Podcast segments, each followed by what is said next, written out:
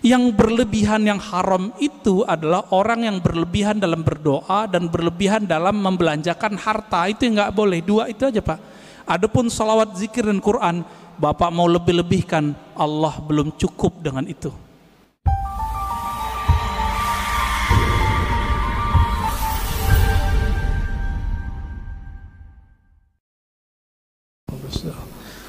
Assalamualaikum warahmatullahi wabarakatuh.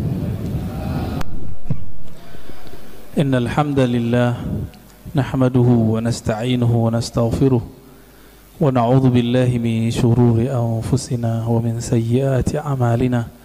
من يهده الله فلا مضل له ومن يضلله فلا هادي له ما بعده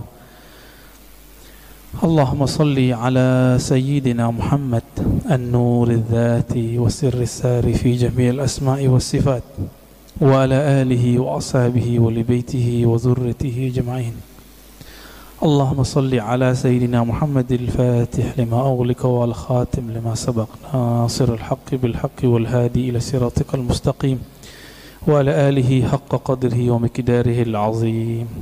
اللهم بك أسبحنا بك أمسينا بك نحيا بك نموت وإليك النشور. Bapak Ibu Saudara Mekan Allah Alhamdulillah kita masih dapat menikmati masjid.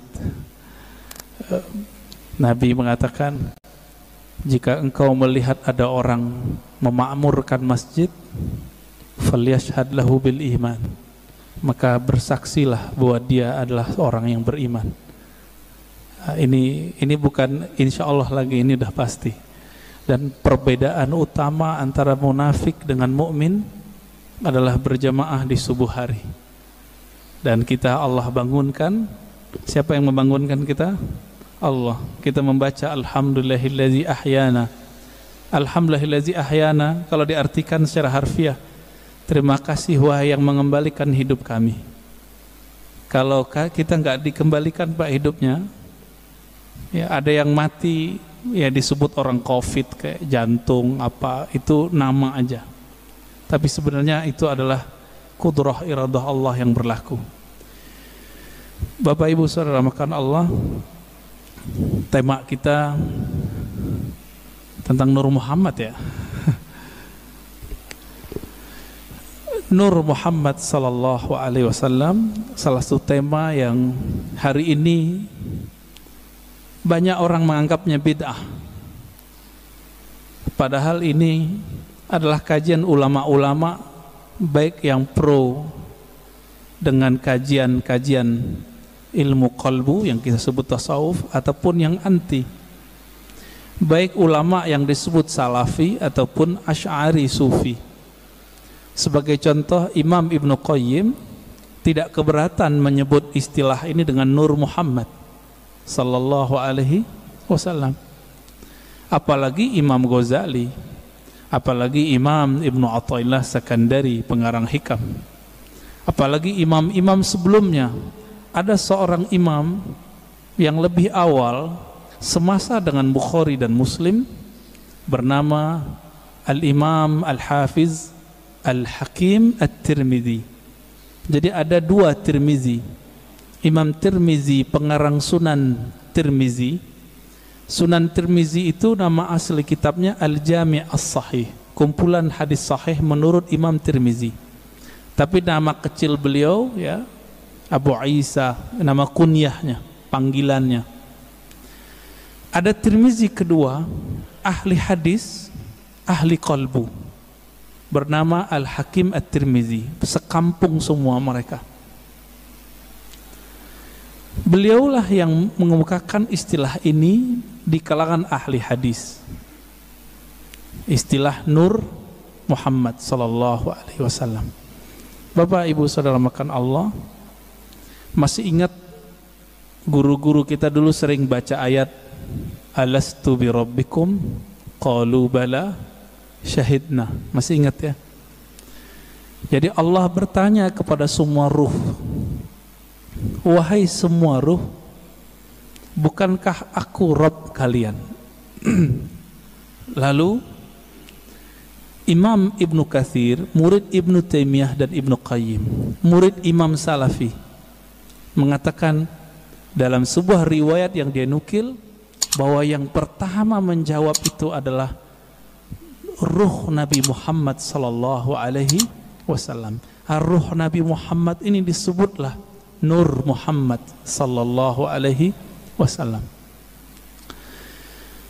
Masih ingat juga ulama kita mungkin waktu khutbah kemarin Habib Ges membacakan ayatnya wa ma arsalnaka tidaklah kami mengutus engkau hai Muhammad kecuali untuk apa rahmatan lil alamin sebagai rahmat bagi sekalian alam. Bapak Ibu yang melakukan Allah, dalam hadis Imam Muslim ayat ini dijelaskan. Apa makna rahmat? Siapakah rahmat itu? Berapa jumlah rahmat itu? Ternyata dalam hadis Imam Muslim gamblang sekali.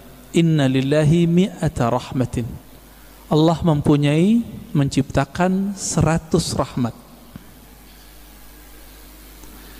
Satu Allah ciptakan untuk dunia dari awal penciptaan makhluk di dunia sampai nanti kiamat.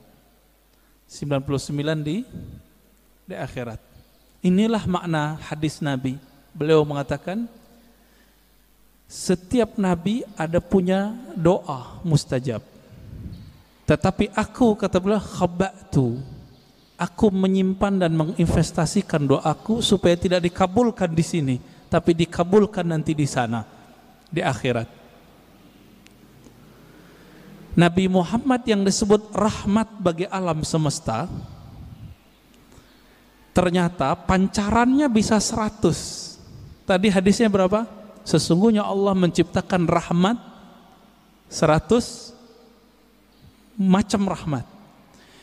Jadi dari dulu sebelum Nabi Adam dicipta, langit bumi dibuat, itu baru satu rahmat sampai kiamat. Suatu kali Nabi Adam ya duduk sendiri kesepian, Pak. Kesepian, ketiduran. Bangun tidur karena Allah Maha tahu isi hati hambanya, kekasihnya. Allah kirimlah, Allah ciptakanlah. Dari dirinya sendiri tulang rusuk terciptalah Sayyidah Hawa. Kita sebut Siti Hawa. Langsung mau dipegang-pegang itu ama? Sama Nabi Adam tapi belum bayar mahar. Karena itu alam surga maka di surga yang paling berharga bukan emas. Tapi mengirim salam kepada kunci surga. Siapa yang pegang kunci surga? Nabi SAW mengatakan, tidaklah dibuka, la yuftah babul jannah ala ahadin min qabli. Tidak pernah dibuka pintu surga kepada siapa pun sebelumku, termasuk Nabi Adam. Bahkan sebelum Nabi Adam dicipta, jika belum ada Nabi Muhammad namanya disebut, itu nggak bisa dibuka Akhirnya Nabi Adam melihat ke atas. Jannatul Firdaus itu di samping Sidratul Muntaha luasnya tak terhingga. Dipandang ke langit, langit aras. Jadi langit itu ada dua Pak. Ada langit yang di atas bumi, ada langit aras disebut Iliyin. Baru dengar ya? Ada langit lagi di atas itu Itulah makom para nabi-nabi nanti di sana. Di, di. Ketika Nabi Adam memandang ke aras, terlihatlah di singgasana aras itu. Jadi aras itu artinya singgasana, istana. Terlihat di situ nama La ilaha illallah Muhammadur Rasulullah. Maka Nabi Adam ketika ditanya oleh Allah, mana maharmu wahai Adam? Beliau bersolawat kepada yang ada namanya Allahumma salli ala Muhammad atau di riwayat lain sallallahu ala Ahmad. Allahumma salli ala Ahmad karena belum lahir fisiknya disebut Ahmad. Lalu dikatakan dalam riwayat Imam Tirmizi, Imam Al-Hakim ya, Imam Al-Hakim An-Naisaburi dalam kitabnya Al-Musadrak dan menurut beliau hadis ini sahih. Apa kata beliau? Allah bertanya kepada Nabi Adam, sedangkan Allah tanpa nanya sebenarnya sudah tahu. Ini hanya dialog antara hamba dengan Allah Subhanahu wa taala. Apa kata Allah? Hei Adam, kenapa kamu bisa bersolawat kepada Muhammad? Kamu tahu dari mana Muhammad? Jawaban Nabi Adam, ya Rob, ketika aku memandang ke langit arasmu, aku memandang di situ ada nama Muhammad setelah namamu, maka aku pastikan, aku yakini pasti itu orang lebih mulia dariku. Lalu aku bersolawat kepadanya. Jadi lebih tua Nabi Adam atau Nabi Muhammad? Kira-kira lebih tua mana Pak? Secara biologis tua Nabi Adam, tapi secara nur lebih tua Nabi Muhammad sallallahu alaihi wasallam. Lalu Allah mengatakan, Laula Muhammad ma khalaqtuka ya Adam. Kalau bukan karena Muhammad itu wahai Adam, aku tidak pernah ciptakan engkau. Nah, inilah makna karena Nabi Muhammad, Nabi Adam dapat rahmat.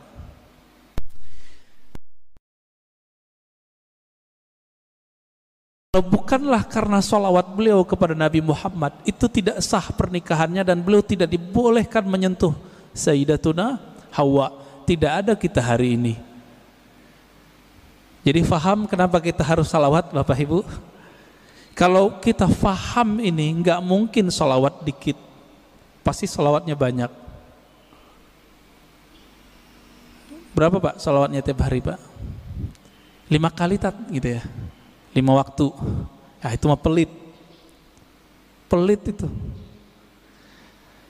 orang-orang yang nanti paling gampang mengakses rahmatnya Nabi Muhammad Wasallam itu orang yang paling banyak berselawat kepada Nabi Sallallahu. Ya. Jadi Nabi mengatakan orang yang paling dekat kepadaku aksarukum salatan alaiya yang paling banyak menyampaikan salam dan salawat kepadaku. Itu sebabnya ulama kita, guru-guru kita yang saleh, wali-wali Allah mulia itu kalau salat tiap hari ada yang 313 minimal. Sallallahu ala Muhammad sallallahu ala Muhammad. Ada yang 500 ada yang 700 ada yang 1000 itu bukan bukan pembatasan. Ini mereka mendisiplinkan dirinya sendiri minimal aku zikir sekian ada yang berzikir 10 ribu membaca salawat setiap hari. Ada yang setiap nafas naik turunnya adalah salawat kepada Nabi sallallahu alaihi wasallam. Pantas nggak? Justru lebih pantas lebih banyak dari itu. Kenapa? Darah ini mengalir itu karena ada salawat kepada Nabi Muhammad sallallahu alaihi wasallam.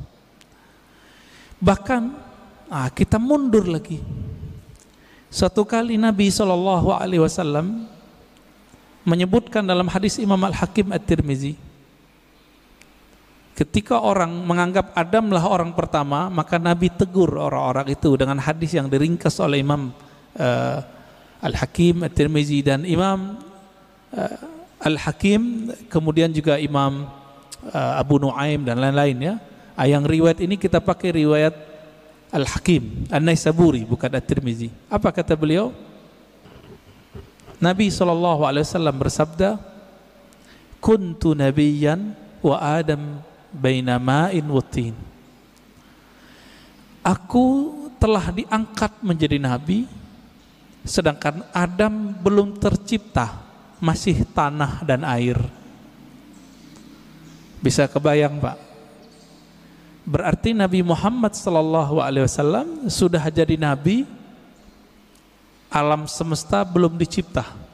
Beliaulah alam pertama yang dicipta.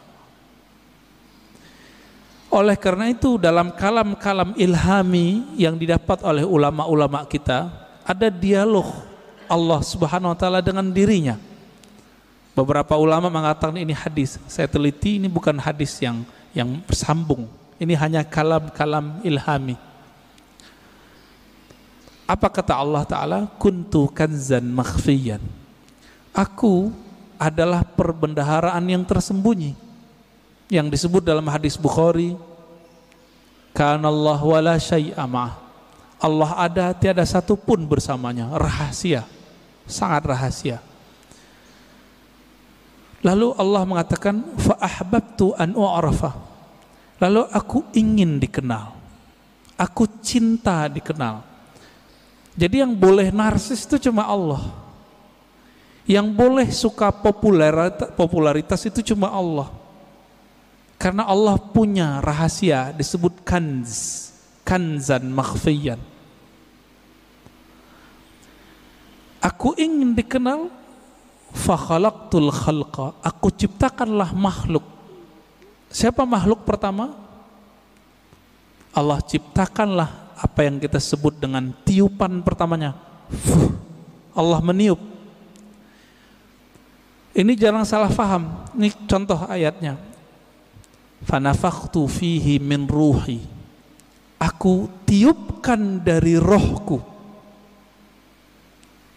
Allah menyebut zatnya rohnya maka Allah menamakan zatnya dengan roh ruh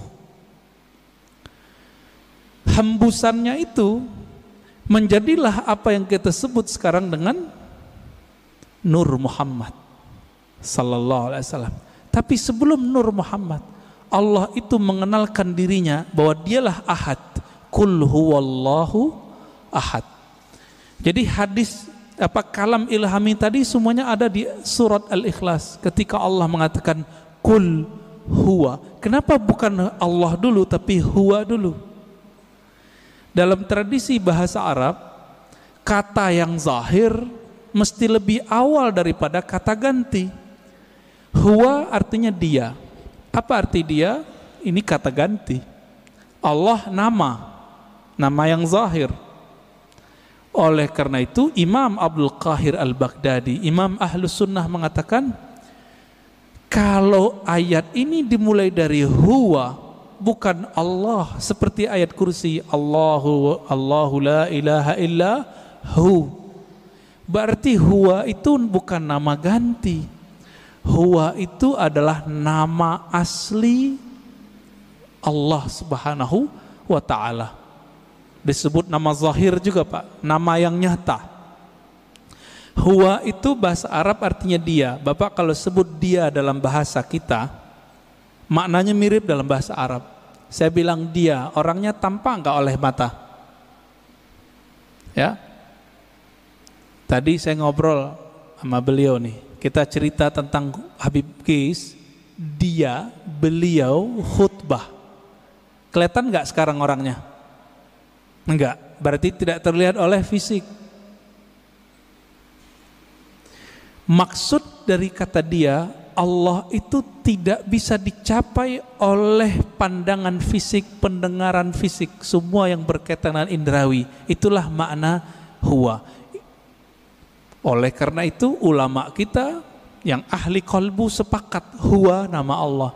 Jadi jangan heran nanti ketemu kiai-kiai Betawi lama, kiai-kiai Banten, kiai-kiai Jawa lama, kiai-kiai Sumatera, mereka berzikir hu Allah. Ya, hu itu surat Al-Ikhlas itu, Pak. Bukan bid'ah, diambil ayat itu huwallah. Bid'ah enggak tuh? Ngambil dari surah Al-Ikhlas kok. Ya, kalau ada sahabat kita yang mengatakan bid'ah, mungkin pensyarahan ini belum sampai kepada beliau. Kitab-kitab mengenai ini banyak. Al-Ibda ya, fi madaril ibtida itu menjelaskan perdebatan ulama tentang zikir hu boleh atau tidak. Setelah dibid'ahkan oleh Ibnu Taimiyah, dibalas oleh yang lebih senior oleh Ibnu Taimiyah namanya Ibnu Athaillah Sekandari. Finalnya itu boleh, bahkan disyariatkan masyru' begitu bahasa Arabnya jadi jangan terjebak di situ huwa itulah yang disebut kanzan makhfiyan perbendaharaan yang tersembunyi coba lihat Bapak Saudara makan Allah Allah itu dalam surat Taha berkata kepada Sayyidina Musa Hei Musa innani anallah. Masih ingat? Ayat 14. Surat 20 ayat 14. Innani anallah. Sesungguhnya aku akulah Allah. Berarti Allah menyebut di sini nama nama zatnya dengan ana ana. Sesungguhnya aku akulah Allah. Maka Nabi Musa diperkenalkan oleh Allah dengan nama yang baru Allah itu sebabnya orang-orang Yahudi memanggil Allah itu dengan panggilan El. Allah itu bahasa Arab, Pak. Dalam bahasa Ibrani El. Siapa yang menjelaskan ini? Ada tokoh orientalis dari Australia, tetangga kita. Namanya Arthur Jeffrey. Bisa 19 bahasa, Pak. Tapi sampai mati dia nggak percaya Quran dari Allah meneliti Quran, meneliti hadis, tapi nggak percaya bahwa Al-Quran dari Allah. Emang hidayah itu nggak masuk ke akal, hidayah itu masuk ke kolbu. Jadi kalau bapak ngaji di akal-akali itu dalam pikirannya nolak terus tuh apa yang saya katakan dari awal sampai sekarang. Maka kalau ngaji jadikan akal itu tunduk kepada kolbu. Kolbu itu mainnya dengan rasa rasa yang dipakai oleh kolbu berbeda dengan rasionalitas yang dipakai oleh akal. Banyak ya. Teman kita nggak pernah merasakan khusyuk, dia bilang mustahil khusyuk. Dia nggak pernah coba, dia bilang nggak ada. Ya, sama kayak orang nggak menikah, nggak tahu nikmatnya malam pertama, dia bilang nggak ada tuh nikmatnya nikah. Mirip-mirip begitulah kira-kira. Bapak Ibu Saudara makan Allah. Jadi ketika disebut huwa Allah, huwa itu adalah perbendaharaan yang tersembunyi. Lalu Allah mengenalkan dirinya menjadi Allah. Nah, proses dari huwa ke Allah ini panjang.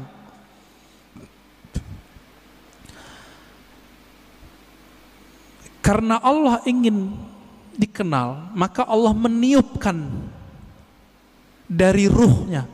Tiupan inilah yang disebut dengan tiupan yang bernama Ahmad. Ya. Ahmad itu cahaya yang terpancar darinya disebut cahaya nur Muhammad. Begitu ulama kita menjelaskannya. Inti dari Ahmad itu adalah nurnya. Maka sebagaimana disebutkan dalam hadis Imam Bukhari, Innallaha yanzuru ila kulubikum. Allah memandang ke sentral jiwamu. Apa sentral jiwamu? Yaitu kalbu. Kalbunya Ahmad adalah Nur Muhammad. Maka Allah pandanglah Nur itu. Pernah nggak Bapak Ibu makan Allah waktu dulu kita sekolah, kita dipelototin oleh guru kita. Keringetan nggak? Keringetan ya, ya atau kita baru jatuh cinta dengan seseorang terus kita dipelototin nama dia. Beradu mata uh keringat dingin pak. Yang pernah jatuh cinta. Ya mau jatuh cinta lagi nggak pak? Ya jatuh cinta tuh enak tapi capek. Ya capek di jantung itu. Deg-degan terus ya. Tapi enak pak ya. Kayaknya mau coba lagi nih. Berkeringat maka di saat Allah Subhanahu wa taala sang pemilik ruh, sang peniup memandang kepada hasil tiupannya yang bernama nur itu, berkeringatlah nur itu meneteslah dari nur itu yang disebut 124 ribu tetesan. Itulah rahasianya, filosofinya, hikmahnya Kenapa jumlah para nabi dan rasul 124 ribu. Hadis Imam Al-Hakim juga itu. Kok bisa 124 ribu? Ya ini dalilnya. Dalil rohaninya, dalil zawuk kolbiahnya. Yang Allah pandang apa? Nur Muhammad sallallahu alaihi wasallam. Yang itu yang Nabi Nabi Muhammad sallallahu alaihi wasallam mengatakan kuntu nabian, aku sudah diangkat jadi nabi sudah dipandang oleh Allah. Itulah kenabian beliau. Inilah yang dikatakan beliau, aku sudah jadi nabi sebelum Nabi Adam. Inilah kata-kata dari Allah SWT. Tidaklah aku utus engkau Muhammad kecuali rahmat untuk sekalian alam. Alam pertama itulah bernama alam, ya tetesan itu, alam nur itu. Dan kabar gembiranya Bapak Ibu yang melakukan Allah, saudara, semoga kita termasuk bagian ini ya. 124 ribu itu kan semua malek, semua nabi dan rasul. Karena Nabi Muhammad mengatakan la nabi ya ba'di. Tiada nabi lagi setelahku. 124 ribu itu masih ada enggak? Masih. Tapi pangkatnya sekarang bukan seorang nabi. Pangkatnya adalah seorang wali. Ala inna awliya Allah la khaufun alaihim walahum yahzanun. Tapi kolbunya itu itu warisan dari kolbunya para nabi. Inilah makna hadis al ulama warasatul anbiya. Ulama itu mewarisi nabi. Saya mau tanya Pak, kalau saya sebut kepada anak saya, kamu pewarisku, dia berarti keluarga saya enggak? Dia lahir dari tulang sumsum -sum saya yang dititipkan Allah ke rahim pasangan kita. Lahirlah anak itu secara biologis dia berhak menerima waris biologis, waris fisik. Begitu juga siapa yang kecipratan nur ini dia disebut pewaris para nabi. Dialah sebenarnya keluarga nabi. Inilah makna hadis nabi Ketika ditanya, bagaimanakah cara salawat kepada engkau hai Muhammad, hai Rasulullah? Apa jawaban Nabi? Kulu Allahumma salli ala Muhammad wa ala ali Muhammad. Katakanlah hai sahabatku, Ya Allah sampaikan salam rindu, sayang, cinta kepada Nabi Muhammad dan keluarga Muhammad. Jadi siapa keluarga Muhammad? Terbagi dua. Ada keluarga nasab, ada keluarga sanat.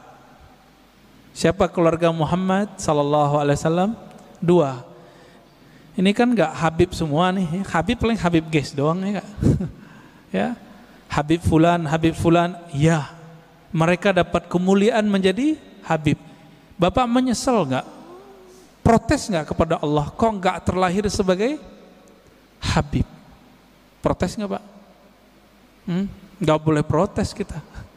Ya, Kenapa dia terlahir sebagai Habib, kenapa kita tidak? Itu ada rahasianya di alam tadi. Kenapa hari ini ada orang beriman, ada yang tidak? Itu rahasianya di sana semua. Kenapa orang sekarang ada jadi ulama, ada yang menjadi ubaru? ya. Bapak ini ubaru Pak ulama? ubaru ya. Ubannya baru tumbuh maksudnya. Kenapa? Itu rahasianya di sana semua di sana semua Pak. Ketika Allah memandang kepada Ahmad Nur Muhammad ini yang dipandangkan nurnya. Nur ini kalau menetes ke dalam kolbu kita, makanya orang-orang ini akan rindu kepada Nabi Muhammad Sallallahu Alaihi Wasallam. Akan rindu kepada yang meniupkan roh Nabi Muhammad Sallallahu Alaihi Wasallam. Nah, kerinduan ini yang yang tak terhingga ya, nggak ada habis-habisnya itu. Inilah makna dari surat Zariyat wa ma khalaqtul jinna wal insa illa liya'budun. Biasa orang terjemahkan nggak ada efeknya, Pak. Apa terjemahan biasa? Tiadalah aku ciptakan jin dan manusia kecuali untuk menyembahku. Wah, itu mah biasa terjemahannya. Kita terusin. Menyembah itu artinya menjadikan diri kita budaknya. Menjadikan diri kita manut kepadanya. Bapak, maukah mengikuti seseorang yang kita nggak kenal dia? Mau nggak? Mau nggak? Nggak mau. Kenapa kita nggak mau? Ya gue nggak kenal ngapain ikut kan gitu. Yang saya ikuti, yang saya kenal bahwa dia mempunyai wibawa kepemimpinan, wibawa apa tertentu lah. Kalau nggak kenal untuk apa? Maka makna liya'budun tidak aku ciptakan jin dan manusia kecuali untuk menyembahku. Ibnu Abbas ini saya sering sampaikan mengatakan ya'budun artinya mengenal aku. Tidaklah aku ciptakan engkau jin dan manusia kecuali untuk mengenal aku. Orang kalau kenal Nabi Muhammad baru mencintai Nabi Muhammad. Orang kalau kenal Rabbu Muhammad, pencipta Nabi Muhammad, baru menyembah Allah Subhanahu wa taala. Kita karena memandang kekasih kita, pasangan kita, kita jatuh cinta kepadanya, lalu kita siap bersamanya. Kita siap menghabiskan apa yang kita punya untuknya. Ini nggak kenal Allah, pantas susah tahajud. Nggak kenal Allah, pantas susah baca Quran. Nggak kenal yang nurunin Quran, gimana menikmati surat cinta dari Allah? Setiap Allah mengatakan, Ya ayyuhallazina amanu, itu panggilan cinta Pak. Hei orang-orang yang percaya kepadaku. Itu panggilan cinta itu. Ini tanya nih bapak-bapak yang dulu belum ketemu handphone, jatuh cinta dulu kirim surat sama kekasih. Gimana pak? Surat baca suratnya gemetar nggak? Gemetar. Ibu-ibu tanya di belakang, dapat surat cinta pertama bisa nangis loh. Disimpan rapi-rapi di di lemari. Kalau supaya nggak ketahuan sama orang tua, disimpan ya di bagian tertentu. Nggak bisa juga kata ustadz kita disimpan di hati ustadz. ya. Begitu kalau kita bisa menghargai surat cinta dari kekasih fisik, kekasih biologis, sedemikian rupa, kenapa tidak bisa menghargai surat cinta ini melebihi itu? Ini kan aneh berarti nggak kenal, nggak kenal kepada yang mengirim surat cinta. Karena tidak kenal apa yang terjadi, kita meremehkan surat itu. Bapak Ibu Saudara makan Allah, ini baru sekelumit kita cerita tentang Nur Muhammad sallallahu alaihi wasallam. Nah, Bapak itu dapat tuh pancarannya, makanya bisa sholat subuh di sini, mau bangun dapat kepercik pak. Cuma kepercik bagian keberapa saya nggak tahu. Nah, itu yang ahli Nabi Muhammad dan pewaris Nabi Muhammad yang paling utuh yang disebut Al-Imam Al-Mahdi. Hanya beliau berdua lah yang mengerti. Ini nih kita pancaran keberapa ini? Kalau emang ada kalau enggak zombie pak zombie bapak tahu zombie nah, ini yang disebut khawarij di zaman Rasulullah dia sholat sama kita tapi ganasnya bukan main. Ya.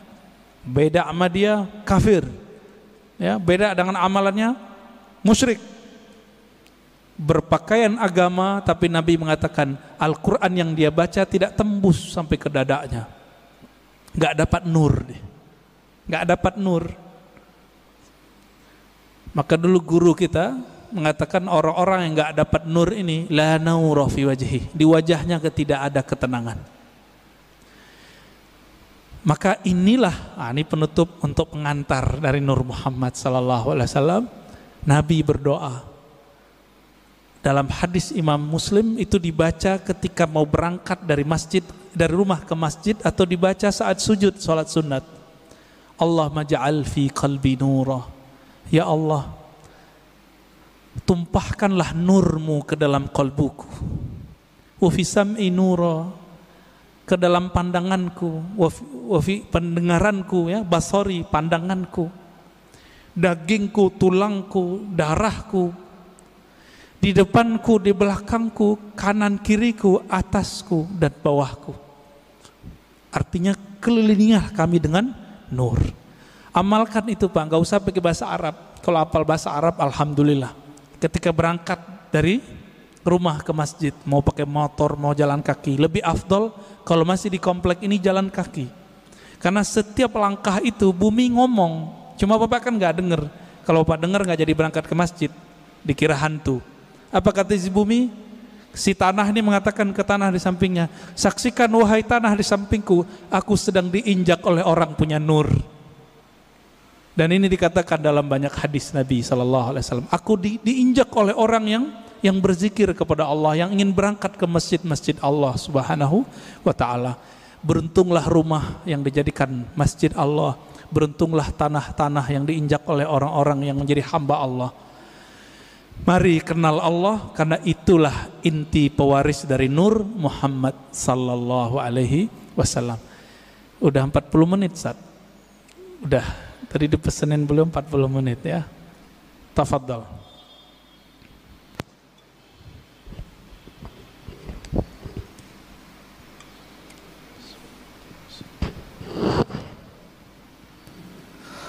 Alhamdulillahirrabbilalamin Terima kasih Abu Ya atas materinya. Dari para jamaah Hari ini ada yang bertanya tentang Mengenal Nur Muhammad Sallallahu Alaihi Wasallam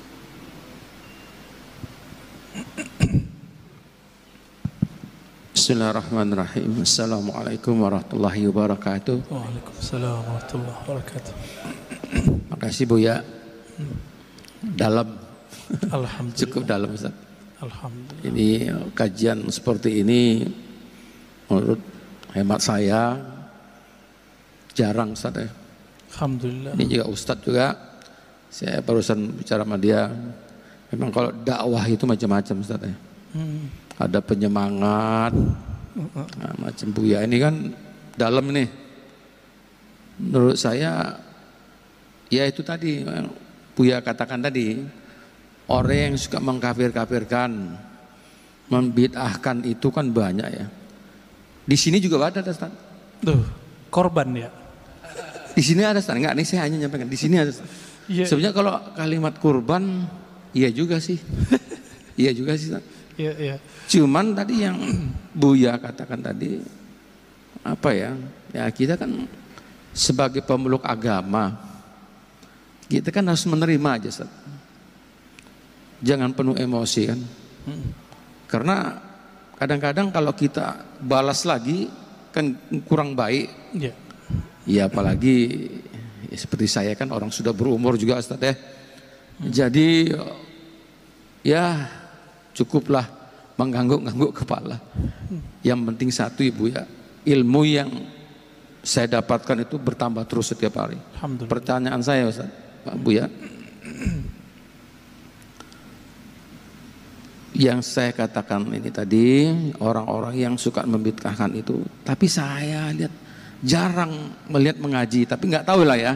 Mungkin bisa aja dia di di Google dan lain sebagainya. Pertanyaan saya ini orang yang selalu melihat Google itu sana dia ambilnya dari si sumbernya dari situ aja terus kadang kan berargumen di WA yeah. Ini seperti apa, Bu ya? ya? Itu aja mungkin. Terima kasih. Assalamualaikum warahmatullahi wabarakatuh. Orang yang tidak berguru langsung kepada ahlinya tidak mendapatkan satu benefit rohani yang disebut dalam hadis Abu Dawud.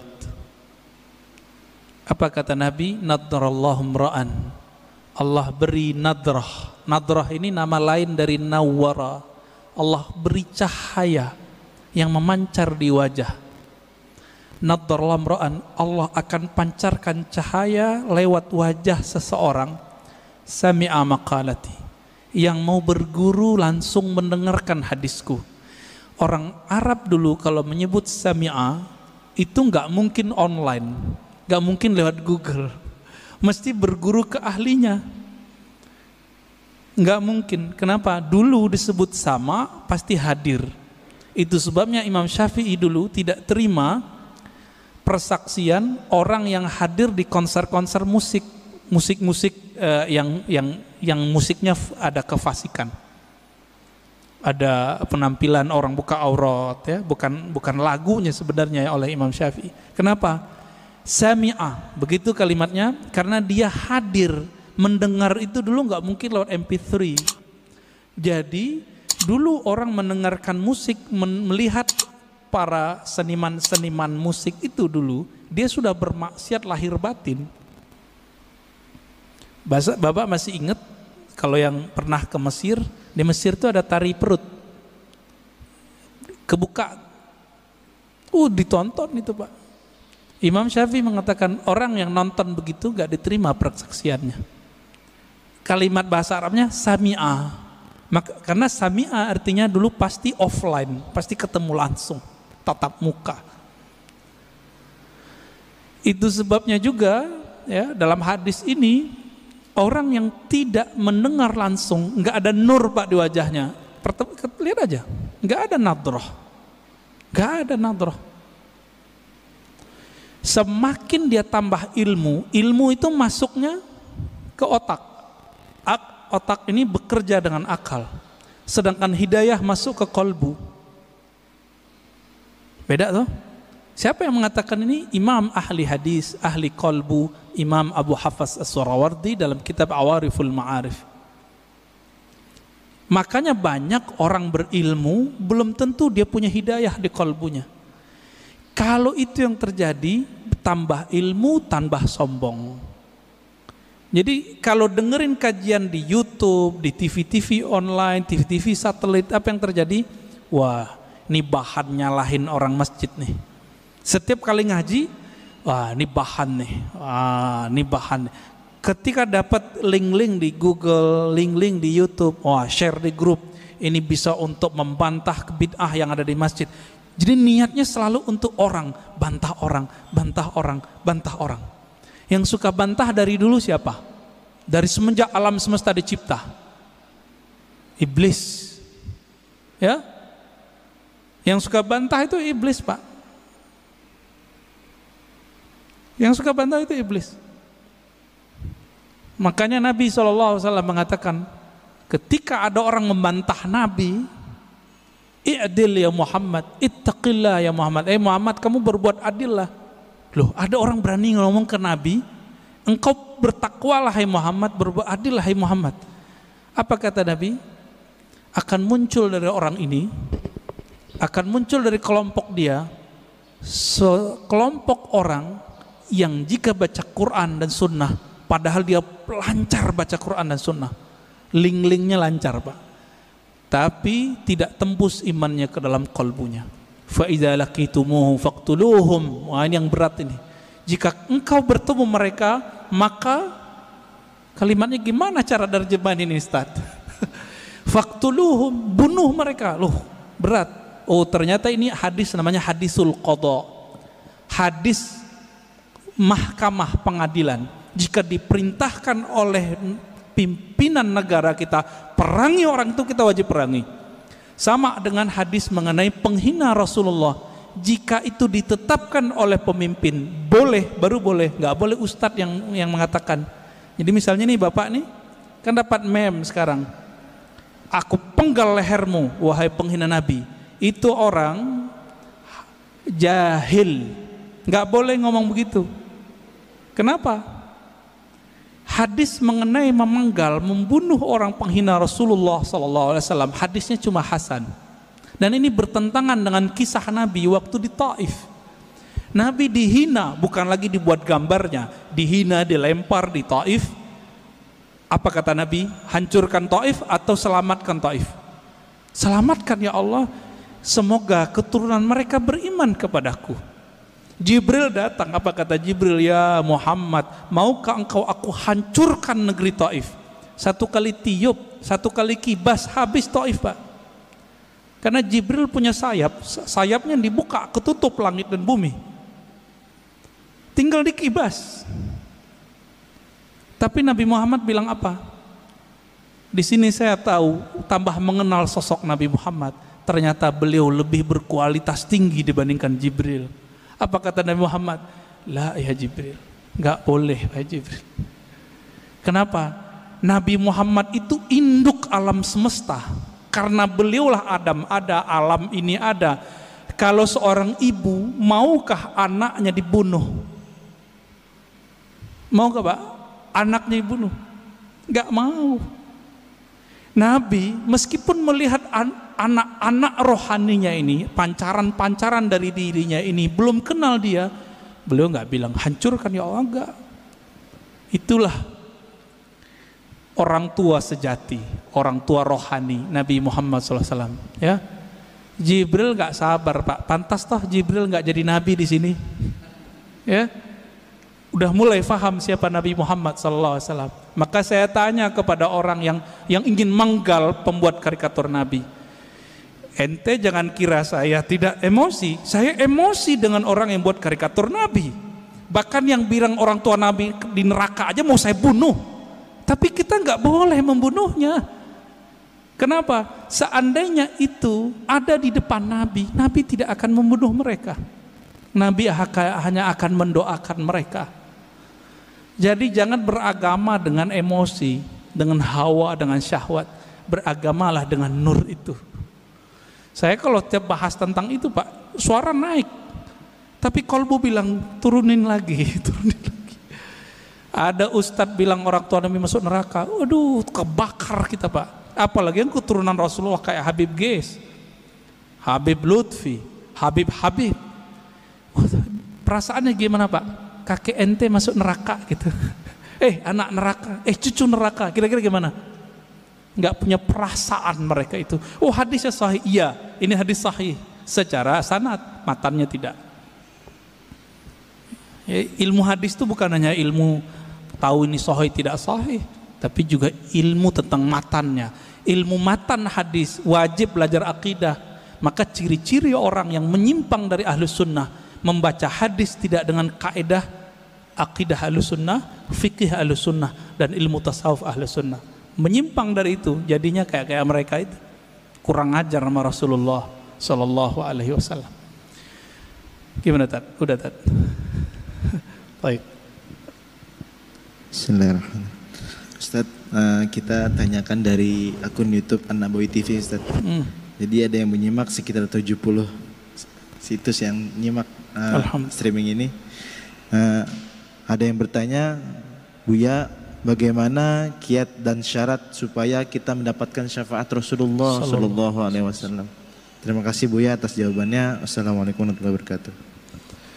Ya, bagaimana kiat mendapat syafaat Nabi Sallallahu Alaihi Wasallam? Nabi itu syafaatnya macam-macam. Ada syafaat spesial, ada syafaat global. Mau yang mana? Spesial atau global? Kalau yang global, pemaksiat aja dapat.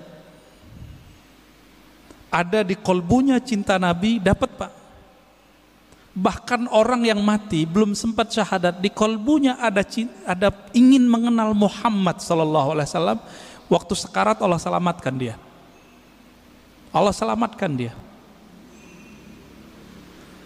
Cuma kita kan nggak melihat alam rohani. Bapak kalau bisa melihat alam rohani, Bapak bisa lihat tuh orang-orang yang yang kata kita kafir, tapi sebenarnya dia udah lama mencari tentang sosok Nabi Muhammad.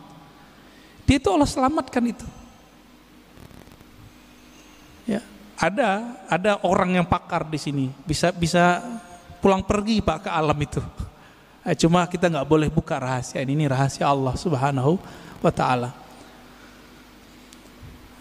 Itu syafaat yang global. Apa kata Nabi? Syafaati li ahli kabair min ummati. Hadis ini sahih.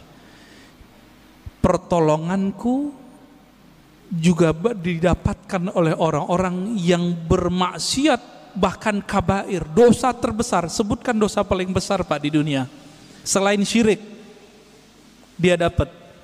Jadi kalau dosa aja bisa, apalagi cuma beda faham sama kawan cuma karena beda faham hilang rahmat Allah bagi kita. Ya, langsung jadi ahli nar karena cuma bid'ah.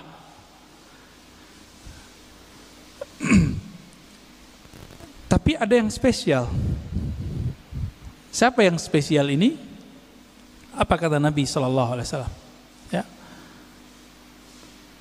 Aulan nasbi aksaruhum salatan aliyah orang yang paling spesial nanti di sampingku yang aku cari mereka nanti adalah mereka-mereka yang paling banyak menyampaikan salam dan salawat kepadaku.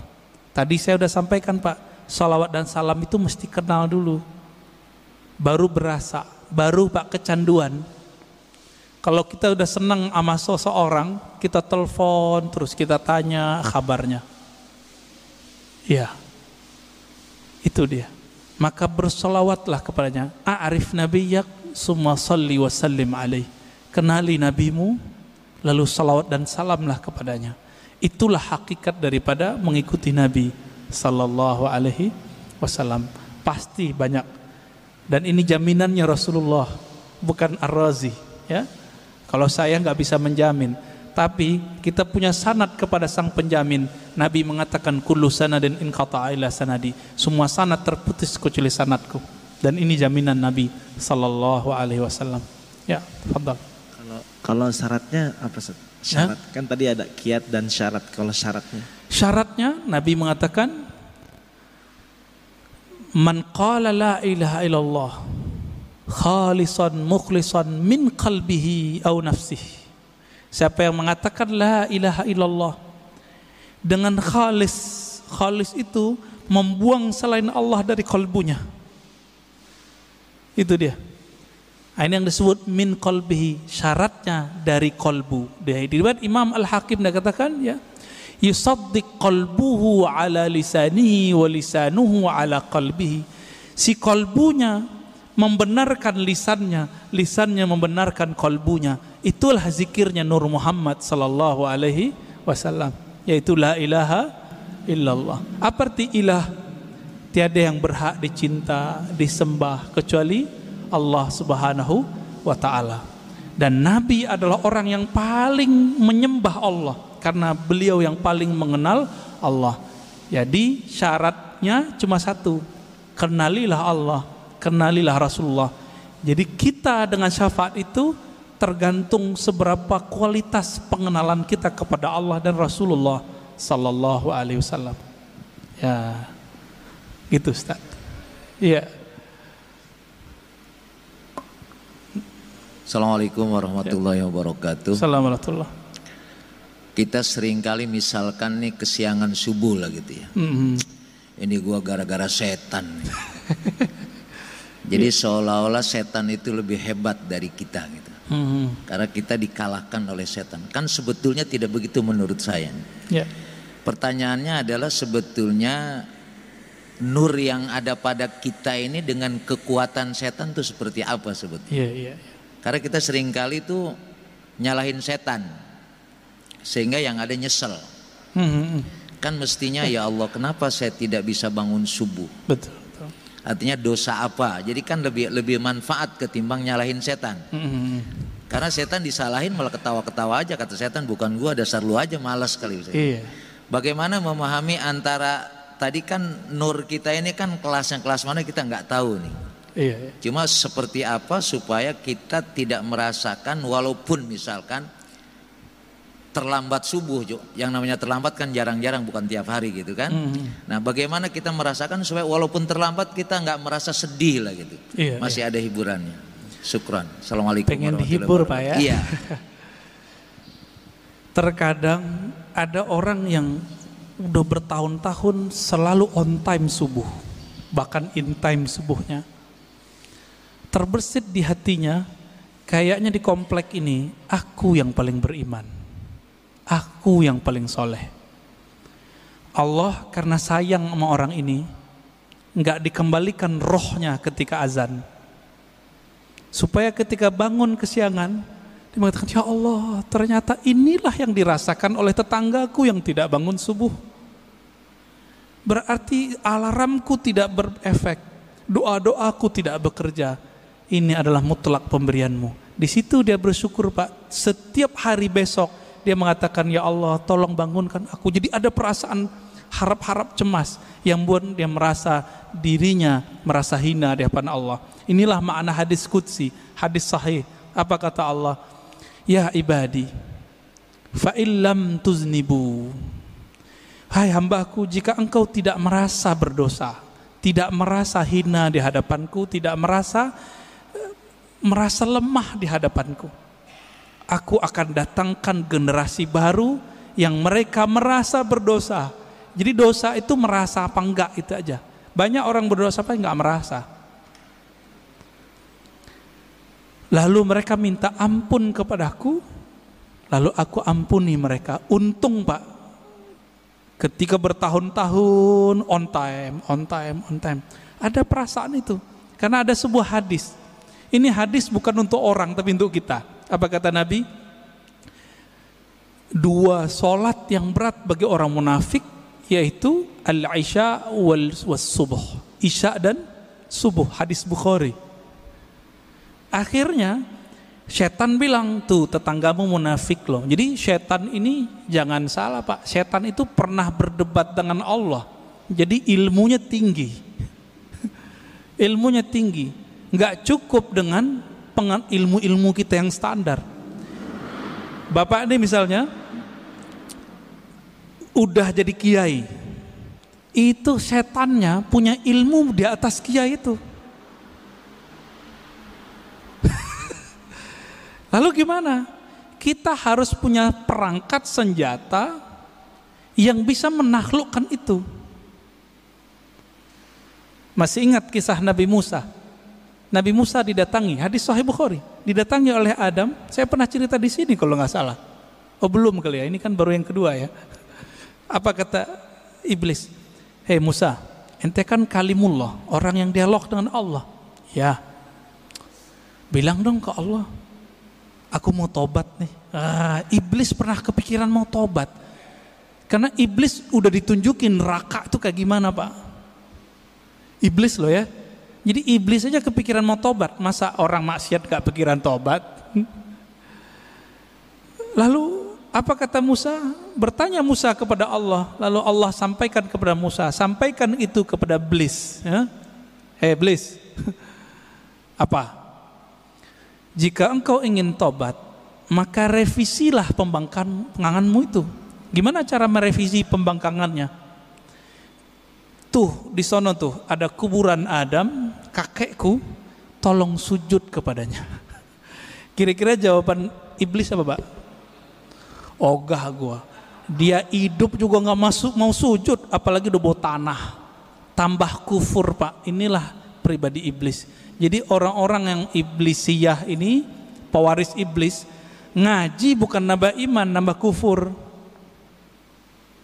Ngaji bukan nambah rendah hati, nambah sombong. Apa kata si iblis waktu Nabi Adam masih hidup? Anak khairu minhu. Aneh kan lebih baik dari dia. Jadi kalau kita berani nih ngomong, Bapak mau ahlu sunnah, mau nggak ahlu sunnah?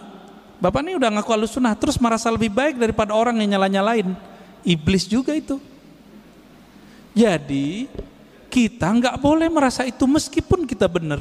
Ini yang dimaksud oleh Nabi, siapa yang berdebat meskipun dia tahu dia benar, dia tinggalkan perdebatannya. Allah taruh dia di tengah-tengah surga. Wasatil jannah. Tapi dia tahu dia benar, orang ngajak debat dia nggak mau debat. Kalau tadi udah debat duluan. Maka Allah taruh dia di tempat paling tinggi yaitu Firdaus.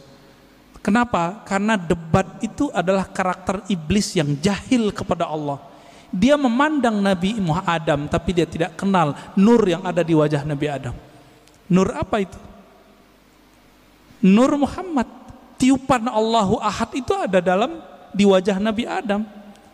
Iblis gak bisa lihat itu alim atau jahil. Ah, yang ini nggak akan bisa ditembus oleh iblis, Pak. Iblis minta izin kepada Allah. Ya Allah, tolong izinkan aku mengakses kolbunya manusia. Apa kata Allah? Enggak, enggak diizinkan ente. Tapi ente punya cara. Tidak langsung. Caranya apa? Tajri majrad dam. Kamu diizinkan mengakses lewat darah, tapi enggak boleh langsung ke jantung karena jantung berhubungan dengan kolbu. Tapi karena darah itu nanti mengalir berputar di dalam kolbu, inilah orang kalau tidak membersihkan kolbunya, kolbunya menjadi kolbu iblis. Itulah yang nanti kalau dibiarkan Pak pribadi ini merasa lebih, merasa lebih, nanti lama-lama dia berani nyalain orang, bahkan bunuh orang yang beda sama dia, bahkan ngebom orang yang beda faham sama dia. Nanti di akhir zaman, ini kan akhir zaman sudah, mereka akan menjadi tentara dajjal. Inilah yang masuk dalam imajinasi para pembuat seniman-seniman itu jadi zombie, zombie. Zombie itu adalah karakter dari atba'u dajjal. Nggak ada iman di kolbunya. Hati-hati, Pak. ya, maka pandanglah kolbu itu, bersihkan tiap hari. Jadi kalau mau istighfar nggak hanya istighfar zahir, istighfar kolbu. Kalau kita udah masuk istighfar kolbu, siapa aja ngomong kita dengerin. Siapa yang ngajar kita dengerin. Khotibnya nggak menarik, tetap kita doain. Tapi kalau iblis bersarang di kolbu lewat darah itu, karena dia bisa menguasai darah di mata, dia akan bilang, ah khotib, khotib bodoh, ah gitu pak. Mulai itu.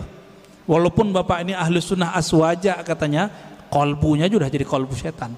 Jadi jangan heran banyak nanti dai-dai yang katanya berpakaian aswaja ahli sunnah tapi kolbunya sudah kolbu iblis. Apalagi yang bukan ahlus sunnah. Semoga Allah melindungi kolbu kita. Amin ya rabbal alamin. Ya. Khalas. Ya. Ya. Enggak tahu nih terserah Pak Antum aja deh.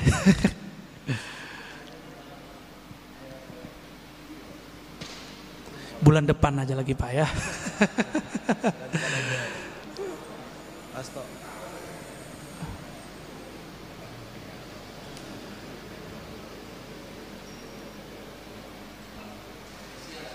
Oh, taib. Ini ashabul yamin ini ya. Orang kanan saya, Pak. Nanti Bapak harus pindah ke sini, Pak. Ya, Bismillahirrahmanirrahim. Salam. Assalamualaikum warahmatullahi wabarakatuh.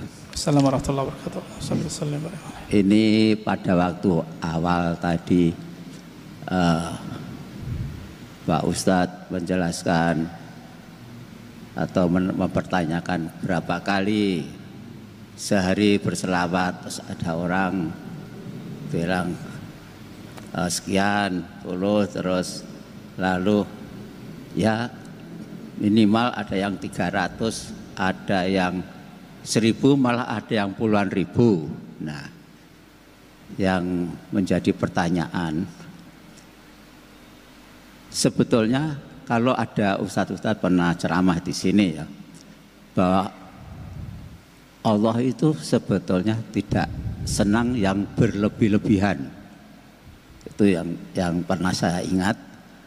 Terus yang kedua kali, kalau orang merasa, wah saya kalau selawat bisa sekian puluh ribu itu kan menimbulkan kesombongan. Padahal sombong itu juga sebetulnya dilarang. Tunggu dulu pak. Apa? Bapak tahu dari mana orangnya sombong? Lo, lo kan misalkan dia pas kumpul-kumpul, wah misalkan ini anu apa namanya? Ah, itu namanya suuzon, buruk ya, sangka. Itu nggak ya, boleh. Ya, tapi dia kan terus menyombongkan diri, oh saya ku, ku, anu kuat sekian, bisa kan kan itu kan menyombongkan diri. Belum tentu. Oh, belum tentu. Ya, ya ini kan namanya aja penilaian saya karena ah, itu suuzon namanya. Ya, itu kan namanya kan berlebih-lebihan. Enggak. Terus itu misalnya, misalnya karena asiknya berselawat, akhirnya Dikir la ilaha illallah itu lebih sedikit daripada selawatnya misalnya. Ini ini pertanyaan. Saya ingin penjelasan aja, hmm. bukan saya ini terus terus suujon itu enggak, tapi ini kan kenyataannya hmm. kalau orang mengatakan oh saya kuat sekian itu kan namanya sombong, sombong. Walaupun ini mungkin dari mata Ustadz oh itu sampean suujon dia sebetulnya nggak sombong. Nah, walaupun memang nggak sombong ya, mungkin ya seolah-olah ada yang orang menilai wah dia sombong okay. padahal Baik. ya. Ya. ya hanya itu saja. Terima kasih. Assalamualaikum warahmatullahi wabarakatuh. Saya sudah dua kali membacakan hadis di sini. Nabi berkata, yang paling dekat kepadaku, yang paling utama spesial nanti di akhirat aksarukum coba terjemahin Pak salatan alaiya yang paling aksar yang paling berlebih Itu terjemahan harfiahnya Pak. Yang paling berlebih solawatnya kepadaku. Berarti melebih-lebihkan angka boleh nggak? Itu disunahkan. Bukan bid'ah itu. Kalau saya ngeliat ustadz nih baca Quran bilang saya sehari khatam. Apakah saya bilang dia sombong? Itu setan yang mewaswaskan kepada saya. Ente sombong ini, ya paling-paling orangnya terjebak pada ujub. Apa arti ujub? Dia kagum dengan amalnya. Itu paling banter, Pak. Nggak lebih dari itu. Kalau sombong sih enggak. Masa orang zikir sombong? La ilaha illallah dan salawat itu adalah akhir dari kesombongan. Habis di situ. Orang kalau bilang Allahumma itu secara rohani habis sombongnya. Karena Allahumma Bapak udah nggak ada lagi sebenarnya. Ya Allah, saya ini bukan hamba yang pintar, bukan hamba yang hebat. Itu, itu makna Allahumma. Jadi nanti kalau ada orang-orang yang banyak solawat, jangan kita tuduh begitu. Itu was-was kita aja. Ya, itu was-was kita. Eh, perasaan kan gitu. Perasaan apa kenyataan itu kan beda. Nah ini mohon maaf pak. Saya harus koreksi karena ini berbahaya untuk seumur bapak. Itu nggak boleh ada suuzon lagi. Nggak boleh sama sekali. Siapa yang masih nyimpan suuzon di kolbunya saya khawatir suul khotimah nanti buruk sangka itu melahirkan suul khotimah pak. Ini sudah udah rumus. Udah rumus di mana-mana. Kita udah nyaksiin orang-orang yang paling banyak berburuk sangka kepada hamba Allah. Itu matinya mati nggak bener. Jadi tolong itu dibuang. Dibuang itu. Ya? Jadi mohon maaf ini. Ini harus dikikis habis. Makanya suara saya harus tinggi untuk mengikis bapak itu. Ya? Semoga bapak tambah rajin salawat ya saingin dia pak nanti bapak adukan itu ke Rasulullah eh Rasulullah Menurut saya ini berlebihan. Nanti dijawab Nabi Pak. Aulakum yang paling utama dari kamu adalah yang paling berlebihan itu salawatnya kepadaku. Sampai datanglah Ubay bin Ka'ab kepada Nabi. Apa kata Ubay? Wahai Rasulullah, saya jadikan salat kepada engkau cukup seperempat ya. Apa kata Nabi? Ya boleh. Kalau setengah gimana? Boleh. Kalau dua per tiga gimana? Bagus. Kalau semua bagaimana? Wah top hai Ubay. Apa kata Nabi? Apa kata si Ubay? Dengan demikian wahai Rasulullah, aj'al salati kullaha lak. Aku jadikan salawatmu untukmu semua. Maka amalannya Ubay yang hafiz Quran, setiap nafasnya adalah salawat kepada Nabi sallallahu alaihi wasallam. Berlebihan enggak sahabat Nabi ini? Abu Hurairah zikir 12 ribu tiap hari berlebihan nggak? Dan itu ditulis dalam kitab. Jika itu berlebihan, Abu Hurairah lah yang pertama berlebihan. Ali Zainal Abidin, ya cucu Rasulullah Sallallahu Alaihi Wasallam itu sholat seribu rakaat tiap hari. Berlebihan nggak itu? Ya? Utsman bin Affan sehari 8 juz 8 8 khatam. Gimana ceritanya itu? Kita coba sehari paling bisa dua khatam. Usman bisa delapan kali khatam. Oh, kecepatan otaknya di atas rata-rata itu Pak. Coba tanya sama Hafiz Quran, dia paling mengerti masalah itu. Cuma Hafiz Quran yang mengerti, delapan khatam bisa sehari. Saya udah ketemu sama orang begitu, jadi bisa paham. Dibantah sama sama teman kita waktu itu, eh tat ente berlebihan sama kayak bapak ngomong tadi. Bukannya dalam hadis Nabi, Nabi melarang menghatamkan Quran kurang dari tiga hari. Artinya sehari 10 juz, 10 juz, 10 juz, 30 juz. Ini kalau ngomong fikih jadi kenceng lagi nih ya. Itu pada ketawa tuh Pak. Apa kata Nabi Shallallahu Alaihi Wasallam? Tidak paham Al-Quran orang yang khatam kurang dari tiga hari. Itu Nabi lagi ngomong sama siapa? Abdullah bin Amr Abdul As, anak muda. Maksudnya ente nggak paham kalau baca lebih banyak dari 10 juz tiap hari, ente gitu. Nabi nggak ngomong ke Utsman. Lebih mulia Utsman atau Abdullah bin Amr? Saya mau tanya, Pak. Utsman. Jadi ketika Nabi ngomong tidak faham Quran, orang yang menghatamkan kurang dari tiga hari, itu Nabi berarti nggak ngomong ke Utsman. Karena Utsman nggak mungkin pelaku berlebihan, nggak mungkin. Yang berlebihan yang haram itu adalah orang yang berlebihan dalam berdoa dan berlebihan dalam membelanjakan harta itu nggak boleh. Dua itu aja pak. Adapun salawat zikir dan Quran Bapak mau lebih-lebihkan, Allah belum cukup dengan itu. Ya. Jadi tolong hati-hati dalam meletakkan persepsi kita, jangan ditaruh itu sebagai standar kebenaran. Mohon maaf teguran saya begini karena saya sayang Bapak. Ya, saya sayang Bapak dan saya nggak mau Bapak mati husul khotimah. Karena Bapak sudah rajin sholat subuh. Saya doakan semoga yang hadir, terutama Bapak yang bertanya, tambah cinta Rasulullah, tambah banyak salawat kepada Rasulullah. Allahumma ja'alna minal muhibbin. Ya Allah jadikan kami orang yang sangat cinta kepada Nabi. Allahumma ja'alna minal muksirina bi salati ala nabiyika. Ya Allah jadikan kami orang yang paling banyak bersalawat kepada nabimu sallallahu alaihi wasallam. Rabbana atina fid dunya hasanah wa fil akhirati hasanah wa qina adzabannar walhamdulillahi rabbil alamin. Sallallahu